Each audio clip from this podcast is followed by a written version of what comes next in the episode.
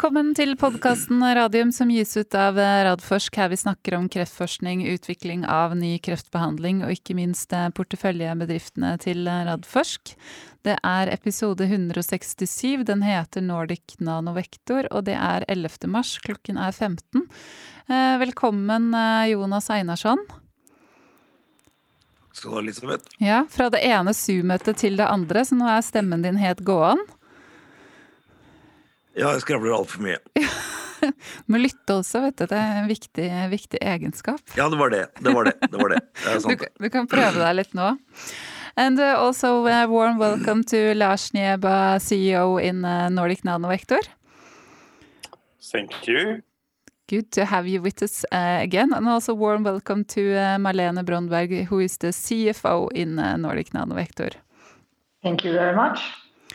Um, we will uh, actually this time take uh, what happened since uh, last uh, uh, in the end of the podcast, but because there has been uh, some news from the rest of the companies. So um, I will just dive into it. Lars, you had a very good fourth quarter. what are the highlights? Thank you, Elizabeth. Yes, um, we were pretty satisfied with our last quarter. So the recruitment rate increased from approximately two to approximately five patients per month, despite COVID. So um, that is really a success. Um, in other words, we have um, recruited 14 patients in three months compared to three patients which we had um, before from August to November 2020. So a lot of measures which we have taken have been successful. Um, overall, we have 30, 73 patients now enrolled um, compared to the 59 we had. So um, that overall really means we're on good track. Um, we are um, strongly believe that we will finalize Paradigm um, to get the preliminary um, three months top line data um, by H2 2021, meaning by the end of this year. but we have not only improved our recruitment rates, we have also had several meetings with health authorities in particular, of course, um, with the Americans, so with the FDA.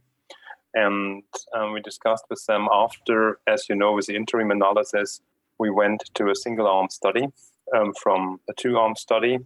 And with a single arm study, we of course needed to go back to discuss um, the objectives of the study because beforehand we wanted to compare two arms, and now we only have one arm.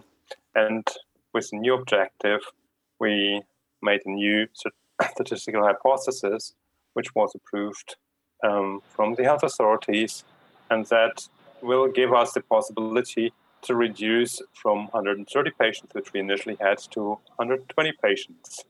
So that means we only have to have another 47 patients to go for the submission for Betalutin. In addition, as you might have also read beforehand, we have also finalized um, the second cohort of Archer 1, so a phase one study in second line. And um, we also have finalized our study in DLBCL. So a lot of good news which we had um, in mm. that quarter.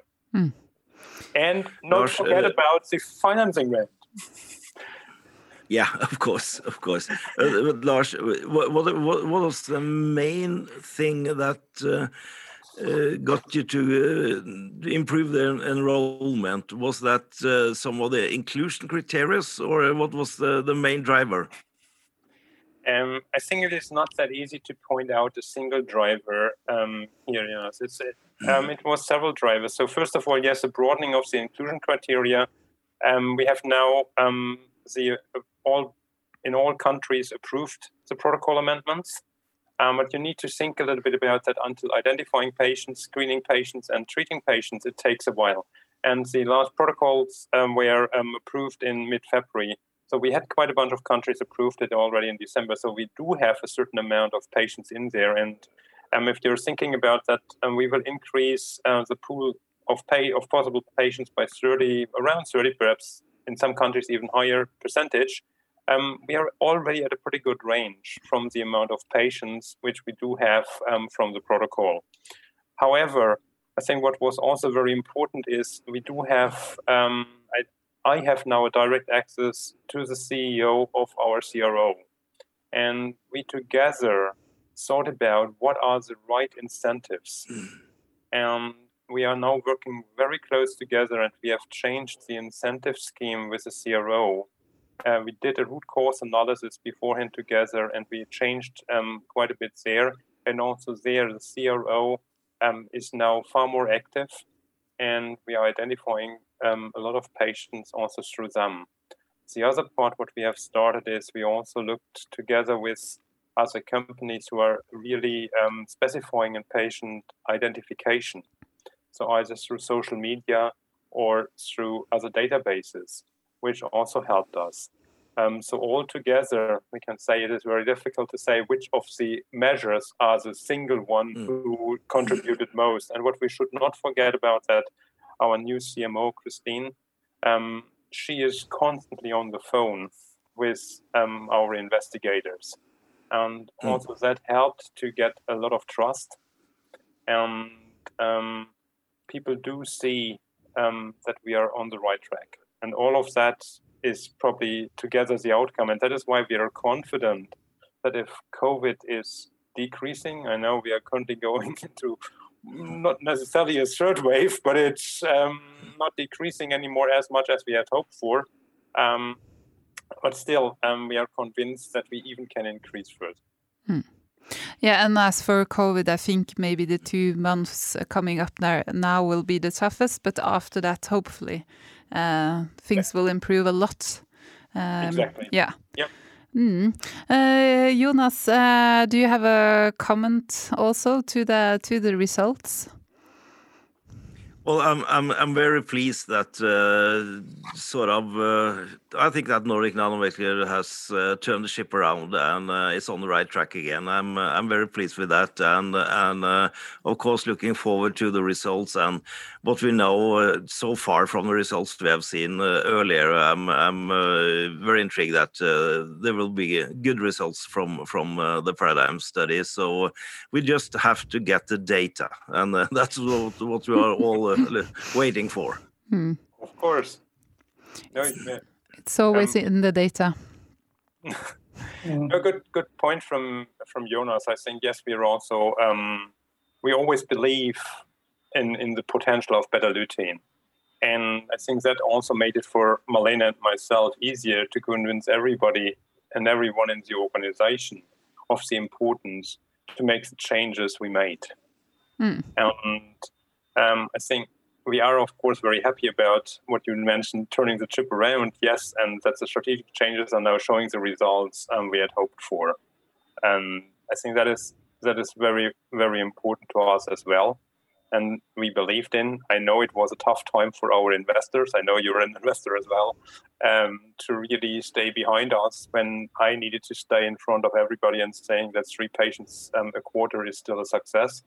Um, and that we are very much looking forward and that we can bring some positive news. And I think that is um, something which um, is really very, very good also for, for everyone um, that it, it uh, turned out perhaps a little slower than the investors had hoped for, but at least from our uh, from our experience um, with health authorities and with everything, and you need to understand that um, you always need to get approval for every single step you do. If you, for example, also initiate um, a company who are working with data from social media, it is not like you can ask Google to do it.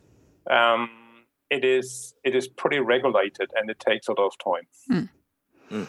But it seems like you say uh, all these measures that you have uh, put forward, they uh, they go in the same uh, direction and it's the right direction, which is very good uh, good to see.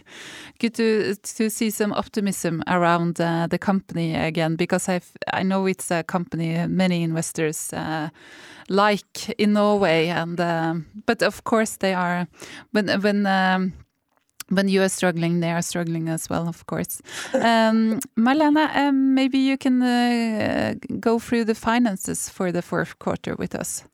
Yes, uh, thank you. Yeah, but first, I would just like to, Lars alluded to the uh, 73 patients. Just to clarify, that was uh, the status on the 17th of February. We have, of course, moved on since then. Yeah. Uh, good. just so no one misunderstand that. Very good. Uh, and a, um, and then in the end of the year, you saw that we had a uh, 294 millions in the bank. Um, and we are we keep a tight control over the um, over the over the cost, of course, and we are spending money where the money should be spent. So it is clinical, it is CMC, um, which is how it should be, and and the focus goes into um, um, into Paradigm, of course. Um, then we uh, had another funding round where we uh, got an, an, a new uh, addition in, um, and uh, that was 361 million gross. Um, and that's a, that's really really good news. And it is of course is a lot of work that goes into a funding round. Um, so we are, we are pleased and, and we're also pleased for our employees because being in a company that is where you were last time when we communicated at a uh, in November last year when we said we have money a uh, onto Q3 um, in in 2021. Uh, of course, everyone is is worried about that. So now it's really positive to see that we are now money into the end of first half 2022. So we're really pleased with that. Yeah, good. Um, the, is there going to be a repair offering as well? Yeah, well, we have now, uh, the, all the shareholders should have uh, received letters. Um, and they, uh, there is an EGM on the 22nd of, of March mm. where this needs to be approved first, of course. Okay. Then uh, we're going to uh, look look out for that when that comes around. Um, uh, I'm going to go back to this uh, turning around of the ship, and I have to ask you. It's more like a sports uh, question. Uh, some sports journalists always ask, uh, "How how does it feel after uh, you know?" going into now one year with Corona, seeing that you were struggling so much with getting the patients in, and then doing the amendments that you didn't see see the results, Lars. Yeah, as mentioned, um, I think we always believed in the potential of Betalutin, and it is it was very good that everybody was really behind all of the changes we did. And I think yes, we are of course um, very happy and also proud um, that our strategic changes are showing the results we really had hoped for. I think, and that in COVID times.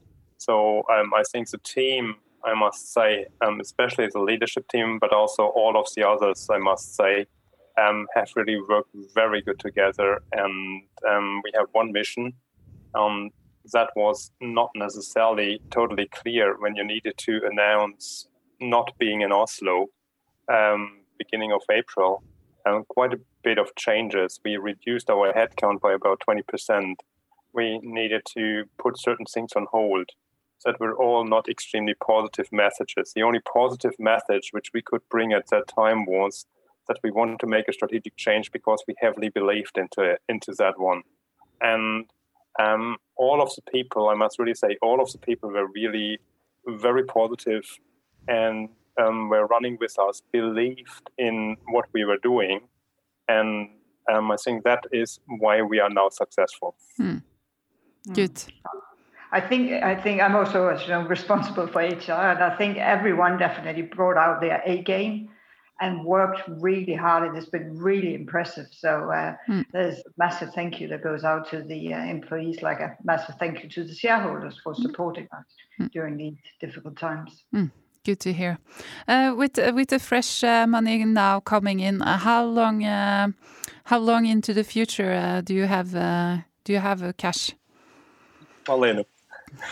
Thank you. Yeah, into the uh, into the end of uh, yeah of, of first half uh, 2021, and we are doing everything we can to get the money to stretch yeah. even longer if we can, of course. But we do also, of course, need to spend the further we get into uh, completion. Mm. The, the more and Lars can say more about that because Lars is also responsible for CMC. Uh, the more things we need to do in the CMC, of course, as well, and mm. which cost money but um, we are on top of everything, I would say. Uh, Malene, you, you meant first half of 22, right? Yes. Yes, yes, sorry. Yes, you said 21.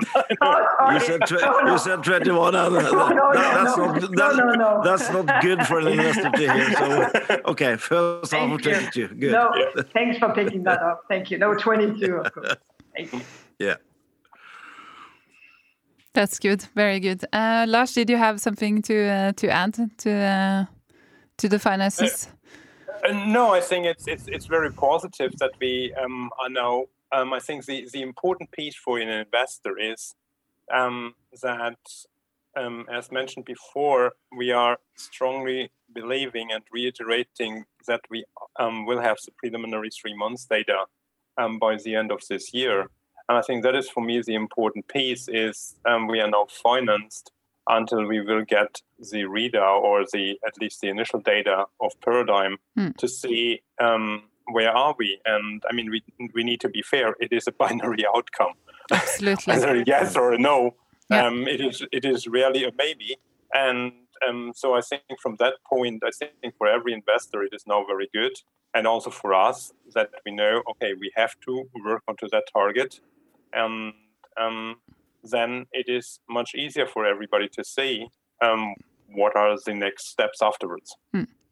So, uh, looking into um, 2021, what are the milestones we should look for? Um, I mean, two milestones which will come in. I mean, the first half. So, in, we still we still are working on on the outcome and the evaluation. Is of course the data of Archer one, and DLBCL. So mm. we need to always keep in mind it was a phase one study.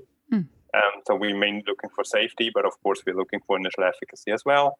And these data are pretty important because that um, is together with the paradigm data is something where we can see where is Betalutin active. Um, the next thing in line is then, of course, mm. the finalization of recruitment, um, which everybody is looking for as well, because depending on when we are ready, then that determines when do we have the um, the preliminary data available, which we target also by the end of the year. So I think for 2021 is a very important year for us, mm. to especially getting the paradigm data um, mm. out there. Mm. Uh, will you also? Lars, uh, yeah, sorry. So, so, Go ahead, Jonas. Uh, Lars, the, the, the Archer 1 uh, data, have you guided anything? Um, because I know uh, there's a lot of people uh, guessing on how uh, when this data will come. Uh, have you said anything uh, in particular about that? Um, yes, we have said um, for both studies um, that we will have the data available in the in the Q2 2021. Okay. Okay. So uh, will they then be presented by you or by, be presented at a um, at a more scientific conference? um, we we have not yet um, finalize the decision, I think it is the first thing is um, we will have an independent review committee again, um, looking into it, of course, mainly into the safety data. And depending on all of the outcomes and the recommendations, then we would need to make a call um, what is um, the, the, the most or the best way forward.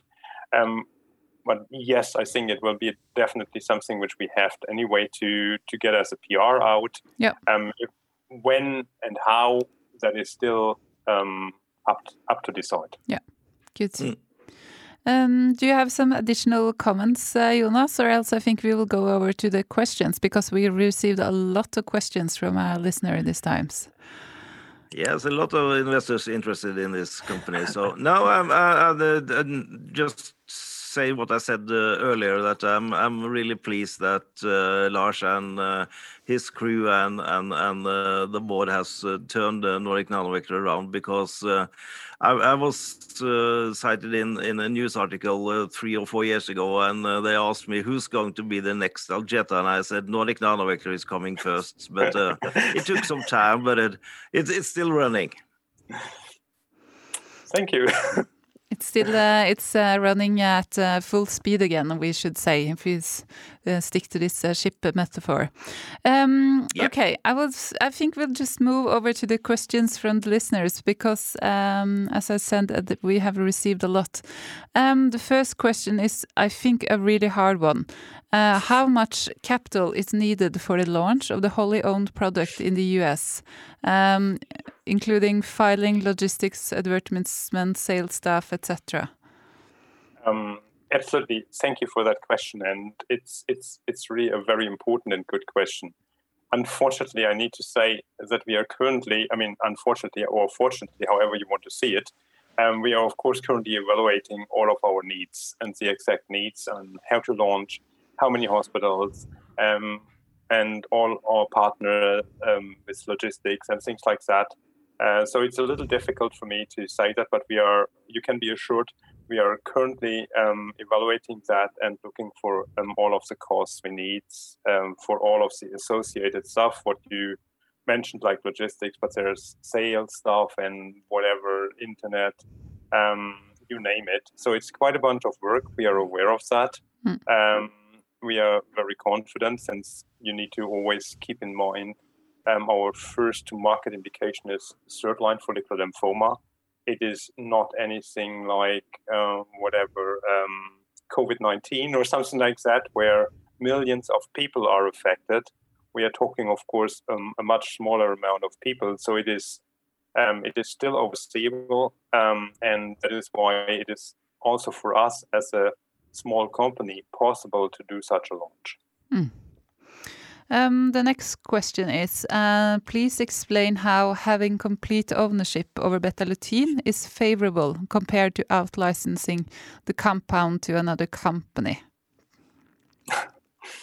um, I mean, if that question comes from an investor, that's good. No, I mean the advantage, of course, is it is um, we have everything in our hands, and we will have also the profits in our hands.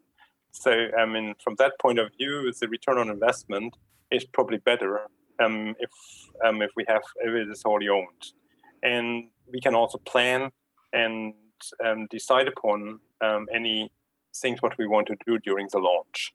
And the other part is also we can decide on our own on additional ind- indications which will drive the highest value. So from that point, a wholly owned means we can make the decision our own. Mm. Um, of course, we know that the costs for the launch preparation are directly linked to the success. So, meaning um, we should not um, then save a lot in the launch because um, we need to we need to reach out to the investigators to convince them that they ought to prescribe our drug and things like that. Mm. Um, but having said that, of course, as we have said in, um, in also in the Q4 call, we're also looking for partnerships. So um, yeah. like in, Europe or in, in, China or in other regions, um, it would be um, a little bit tough for us to do, for example, all three in parallel. That might be for a small company a little challenging. Mm. Good. Uh, moving on. Is it a possibility that you can apply for conditional approval for both uh, second line and third line at the same time, provided excellent results from the Paradigm and the Archer 1 studies? mm, that, is, uh, that would be very good. No. Um, but seriously, no, Paradigm, of course, is set up as a study for filing for accelerated approval, as we have said from the beginning onwards. Um, you need to think about that we have 120 patients in that study, and um, that has been discussed several times um, with the health authorities, and also the statistical hypothesis and everything is set up that we can show um, our, our endpoints in a statistical significant way. Um, thinking about Archer 1, Archer 1 is an exploratory um, phase 1 study um, we have seven patients. And yes, we might have brilliant results, no question. However, um, it is only a phase one study. Hmm. So um, that is not possible to file for any approval for Archer 1 in second line. And perhaps to also mention, second line is something which is diff- different to third line. In third line, or like also fourth line, of course, um, there is a high unmet need hmm. because mm there's patients who already received the standard of care. And so that is why there is the way of accelerated approval um, for also smaller companies like us, but in general for medications which are um, designed onto these niches. That is why I said third line is a smaller indication. And there it is much easier to give um, the approval because it is very difficult to make a study against the comparator if you only have a very few patients. Whereas second line is a much bigger indication. There is standard of care.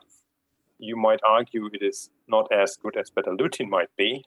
That's fair, um, but we would have to show it in a statistical significant way, and that is why we can't use Archer um, as an approval study. Mm. Thank you. Um, when do you think it's most likely that you can publish the remaining results from Archer 1 cohort 2? Is that what you answered uh, previously, that it will be during Q first yes, exactly, Q2? Q2, yeah. Q2 2021, so yeah. in, in a few months. Uh, next is the patient reduction in paradigm, a max or minimum scenario. Is it possible FDA will approve above or below the 10 you have guided? um, as mentioned, I say we we went back because we needed to have um, our, our, hypothesis right with a single arm study. So the statistical hypothesis was discussed with the health authorities, and to be statistical significant, um, it is that we need um, the 120 patients. Now, um, is it that if you're below that, not possible to show statistical significance? It, it, it of course could be um, a possibility, but it is much more difficult because then you might need um, some additional patients. So usually you go with the 120. Um, is is it? Go ahead. Yeah, Lars, I just uh, want to ask you uh, when, when, going from 130 to 120 patients, did you change the hazard ratio or is that the same goal? Um, from the statistical point of view, what do you mean? The, the yeah. outcome? No, the statistical. Yeah. I mean, the statistical significance was um, so it's the alpha and the beta in the study, and we discussed the alpha and the beta with the with the health authorities. What is the right alpha and what is the right beta? and we agree okay. together okay. with them, depending on, of course, yeah. um, the response rates. Mm. I see. And um, now recruiting more min or max. Um, like, yes, you can over recruit. Usually, it doesn't help you, but it costs you. Yeah. So from that point, um, we, we of course are aware of that that can happen. You need to understand we are recruiting currently with whatever um, up to seven patients a month, and um, if you have the patient, it is it is a little difficult to decide. Okay, that is exactly the 120th patient because yeah. if three patients are directly in screening, you will take the other two as well. Absolutely. Um, but, yeah. then, but then you you then you stop. Mm. So yeah.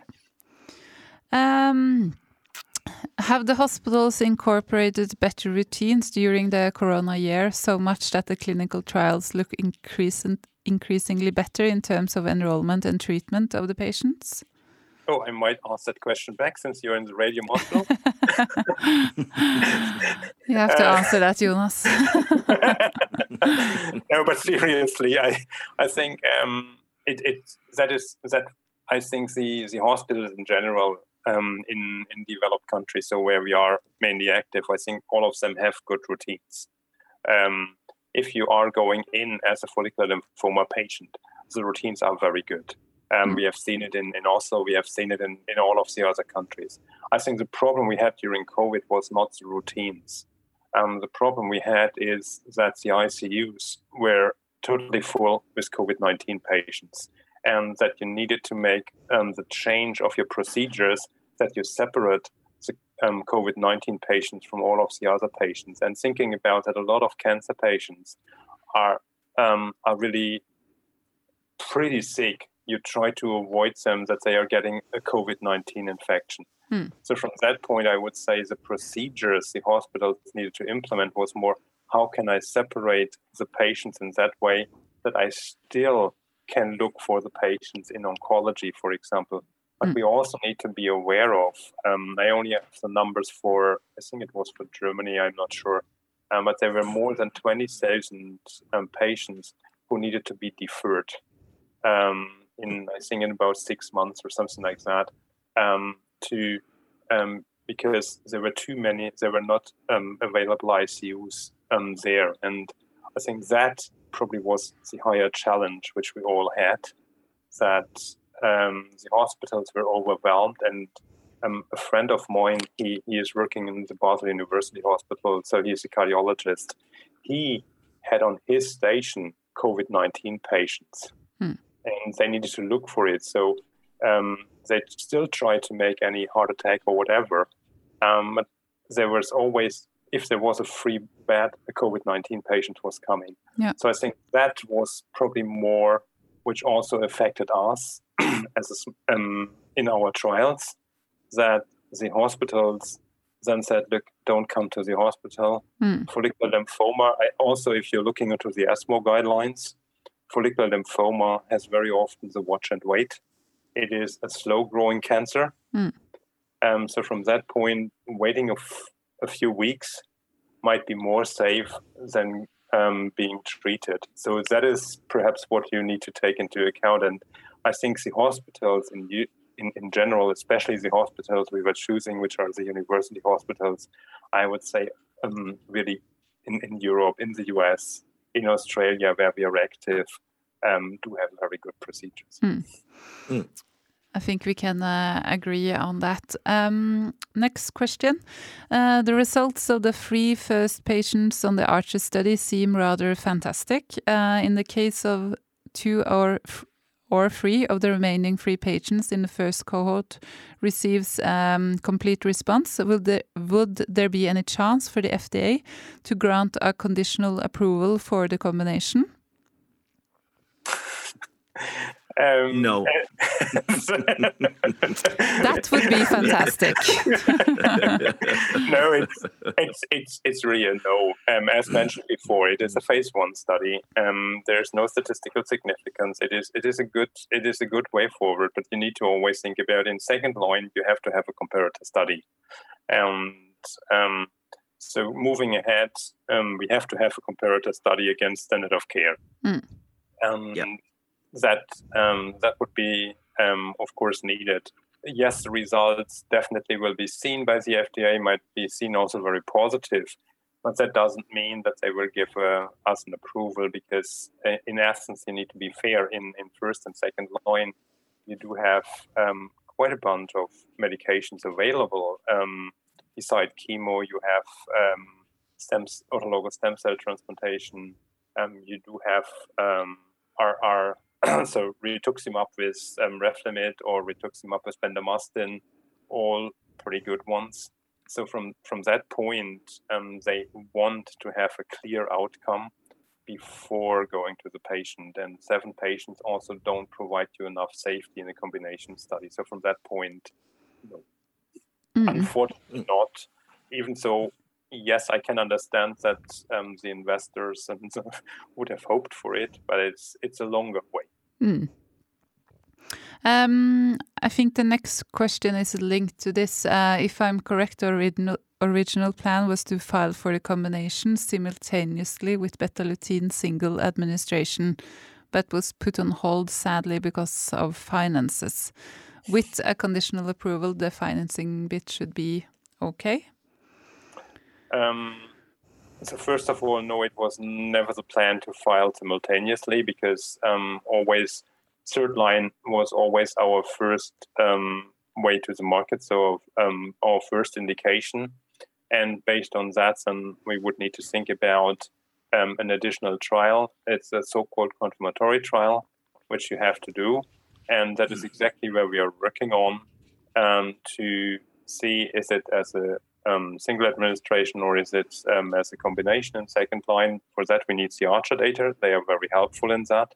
And then we can make the call how to move ahead in the phase three. So um, there was nothing put on hold um, due to the finances because we only said we, we will finalize the current cohort of Archer 1 um, because we felt that the amount of patients we, we have then would be enough to give us enough guidance mm. to go directly into the phase three. So um, the the put on hold was more for any further patients which we might have been able to recruit. But we said this amount of patients because we have seen pretty good results already in the first three patients, and we needed the second cohort. And based on that, I think we can make enough. We have enough data to make a call how to move ahead into the confirmatory phase three. Mm. Good. Um, and then uh, there's another question uh, regarding uh, taking Betalutin all the way to the market.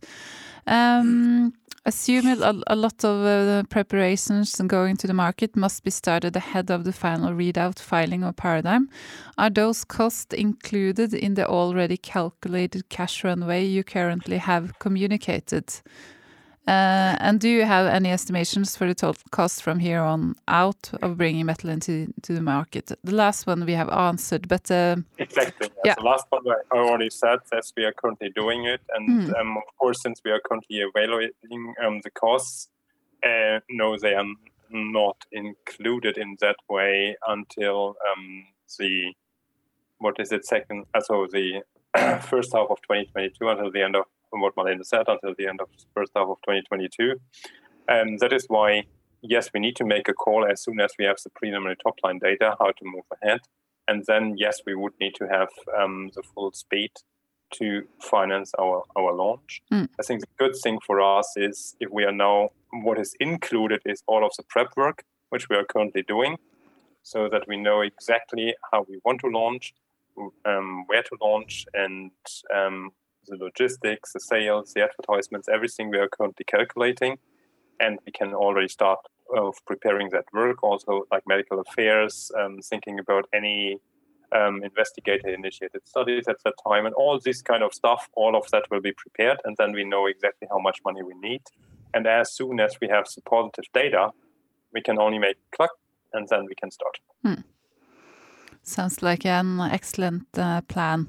Um, now that the finishing line towards a product on the market is in sight, when will you start to communicate expected market penetration and forecast sales figures?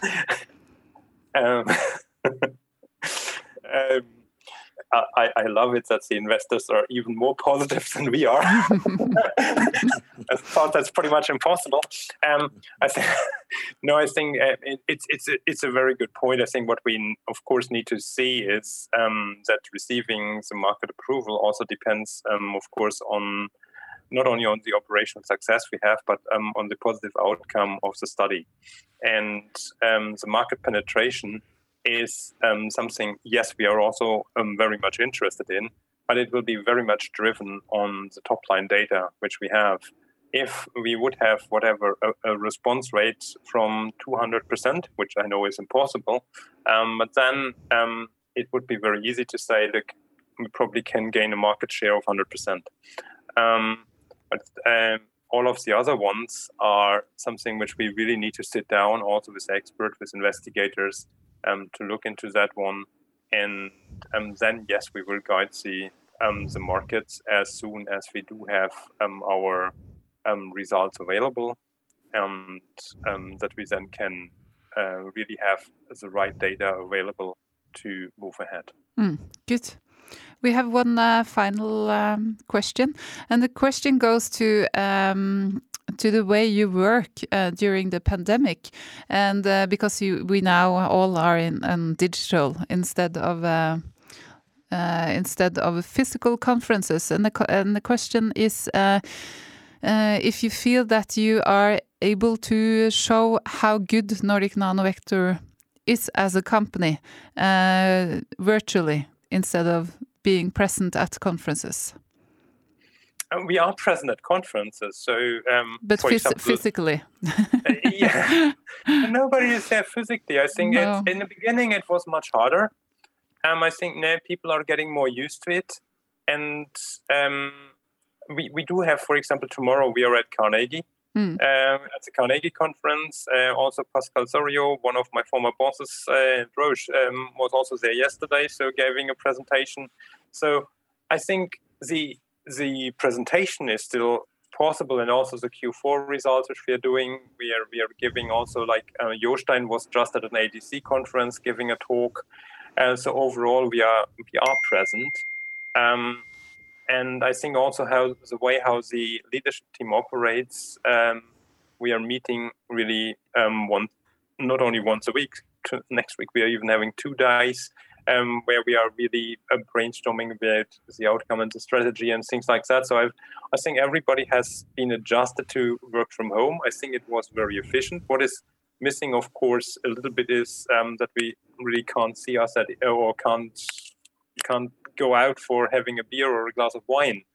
Um, I think from the presence of Nordic Nanovector at conferences and things like that, that has not changed to before. So we are really doing a lot to be present. Malene, from the IR point of view. Hmm. Yeah, no, I agree, and it is, of course, the same for everyone else. So I think if we were the only one, then we would stick more out. But it's it's the same, of course, for all companies. Um, but of course, I agree with Lars. It would be nice to actually to be able to meet people face to face again, and the shareholders, and come to Oslo and present. Um, especially because now we have increased our, our shareholders uh, amount again. So we are now of a, I think right now of 11,400 mm. plus.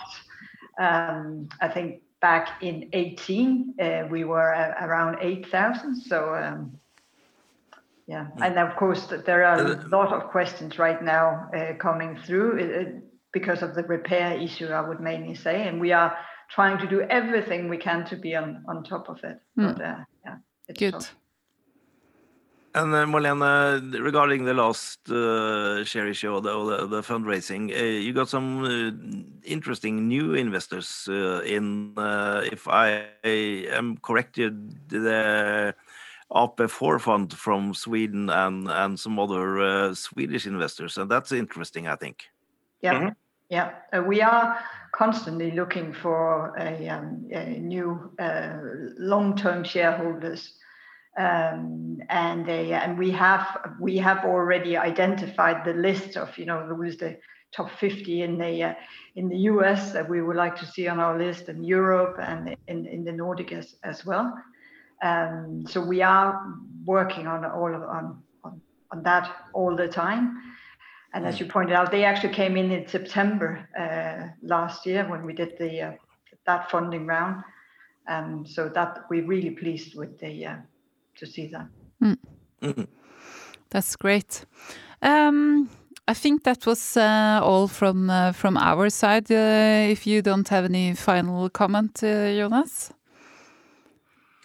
No, um, I mean uh, it's really interesting uh, what happened in the, the last financing round because we we we are seeing in several of our portfolio companies that there are growing interest from international specialist long-term investors, and that's really what we, what we need. Uh, uh, also, with, with, of course the Norwegian investors and the retails, but but uh, also having in more specialist investors in in our companies that are looking on, a long-term basis. I think that's a good sign. Mm.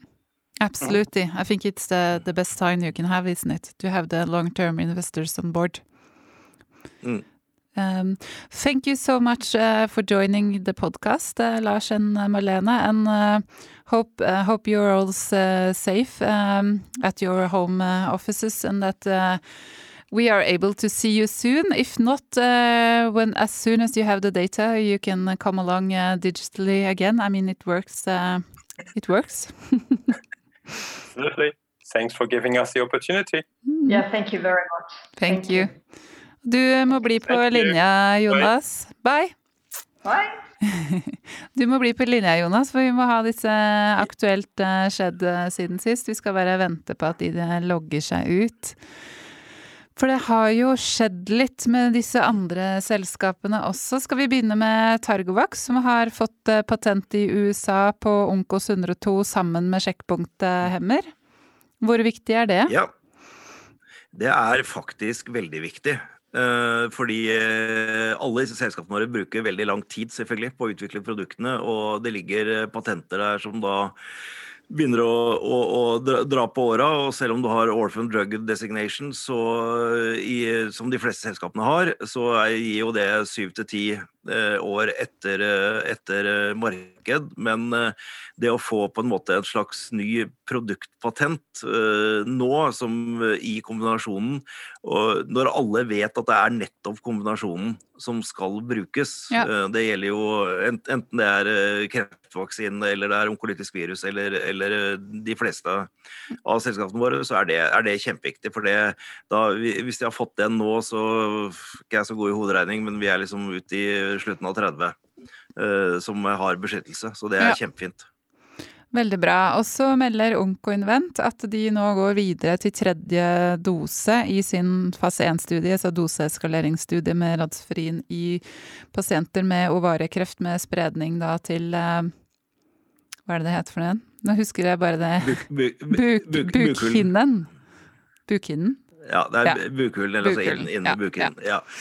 Ja, nei, og det, det er også gode nyheter, fordi at uh, det, vi har jo to studier i Onkoinvent uh, i, i spredning fra kolorektalkanser og fra ovarialkanser. Og kolorektal har jo virkelig gått kjemperaskt og fint, og Mm. er nå inne i den siste uh, doseringen. Og så eh, hadde vi litt startproblemer med ovarial, men nå kommer den også, og har eh, da gått til eh, eh, tredje, det vil si at 1, 2, 4, det er 4 megabecquerel eh. Og, og hvis den går bra med de tre, så er det over i 7, som da er siste dose på, på de også. Så det er, det er veldig bra. Mm, absolutt. Um, og så melder uh, Vaxibody at de Jeg beklager den pinginga, jeg får ikke tatt den av. Det er fordi jeg har iPhonen kobla til maskina. Um, Vaxibody melder at de har lyst til å notere seg muligens på Nasdaq. Eh, og at de innfører eh, på en måte et, eh, hvis jeg skjønner det, et sånn finansiering Ikke fina, mer sånn budsjettsystem som gjør at de kan det. Har jeg skjønt det riktig? Ja, de går, de går de, de går over et regnskapssystem som hvis jeg husker riktig, heter IF, IFRS. Ja. Og det må alle selskaper gjøre før de skal notere seg på et offentlig marked. De er jo på Euronext Growth nå, altså tidligere Merkur. Mm. Eh, og da er det ikke krav til det, men hvis de skal enten gå på Aksess, på Oslo Børs, på Nasdaq Stockholm, Nasdaq USA, så må de innføre det systemet. og så føler jeg at de nå, nå, nå sier, sier ifra at eh, det, det neste steget til å bli notert det, eh, på, på, en, eh, på en offentlig børs, det, det gjør de nå.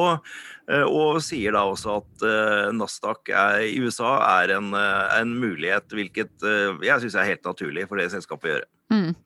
Og så siste er Photocure som melder om nok en ny studie. Jeg har ikke hatt tid til å se på den pressemeldingen. Jeg vet ikke om du har hatt eh, tid til det? Jo, jeg har sett eh, veldig raskt på den, og det er bare nok en oppfølgingsstudie som eh, legger sten på sten eh, for å bygge opp til at uh, og Hexvik skal bli standard of care, og, og eh, eh, hva, hva man vinner med å bruke blålysteknologien i stedet for det man har gjort tidligere. Så, så det, dette er bare enda en sten i det byggverket som Dan Schneider og, og hans folk eh, gjør, så det er, eh, det er veldig bra. Ja, det er kjempebra. Du, ellers har vi fått inn et spørsmål om, om eh, vaksiner og vaksineproduksjon i Norge. Men nå har vi holdt på så innmari lenge, så vet du hva, det spørsmålet det sparer vi til eh, neste uke. Eh, hvis vi rekker det da også, for da skal vi faktisk ha med oss Patrick Lyng. Og det gleder jeg meg veldig til, fordi han er jo da analytiker i DNB og sitter og vurderer altså mange av våre selskaper, men også mange av de svenske biotech-selskapene. Mm. Hva tror du om det? Det, det tror jeg blir veldig, veldig spennende. Patrick har eh, fulgt denne sektoren både i Norge og Sverige og i, i andre steder i, i mange år, og er eh, svært kunnskapsrik om, eh, om Selv om ikke jeg alltid er enig i hans analyser, men sånn er det med, med analytikere og investorer. De, de vil gjerne ha litt mer Nei, men det blir veldig spennende å, å, å få snakke med Patrick, ja. Men da er du enig med at vi skyver på det spørsmålet? Det siste, Eh, om ja. vaksiner? Eller vil du ta en kort eh, Kort intro på det nå? eh, Ja, nei, hvis det spørsmålet er rundt eh, å, å lage vaksineproduksjon i Norge, Mhm. eh, så, så tenker jeg at fremtidens vaksiner de lages ikke i Altså de lages til slutt i store fabrikker, men de utvikles gjennom forskning og i, i det vi kaller for MOC-laboratorier og forskningslaboratorier. Og det ønsker jeg at vi skal utvikle i Norge. Mm. Vi har absolutt alle muligheter til å gjøre det. Om vi skal lage de store vaksinebedriftene, fabrikkene eller ikke, det er en annen sak som jeg kanskje helt personlig er litt mer skeptisk til. Ja. ja, for du så det innslaget på Dagsrevyen her om dagen, ikke sant? I forhold til at de ønsker å starte da vaksineproduksjon i en sånn gammel nedlagt, hva var det for noe, postbedrift i um, Stokke i Vestfold? Ja, Sandefjord. Sandefjord. Men, uh, ja. Men uh, ja, jeg er litt, litt mer usikker, men uh, ja. la det nå bare være min egen personlige oppfatning. Mm. De trengte jo, eller de spurte jo da rett ut regjeringa om en halv milliard, tror jeg. Eller var det 500? Jo, halv ja. milliard. ja. Det er mye ja. penger. Det er, eh, det er, mye penger som skal brukes til mye forskjellig. Men du, eh, da må du kose deg videre på hjemmekontoret i eh, snø og uvær. Og jeg gruer meg til å kjøre hjem til Nittedal i snø. Men jeg kom meg hit til studio med en hel person og en hel bil, så da klarer jeg vel å kjøre hjem igjen også satser vi på. Så snakkes vi neste uke. Det gjør vi. Takk for i dag. Mm, supert. Hei.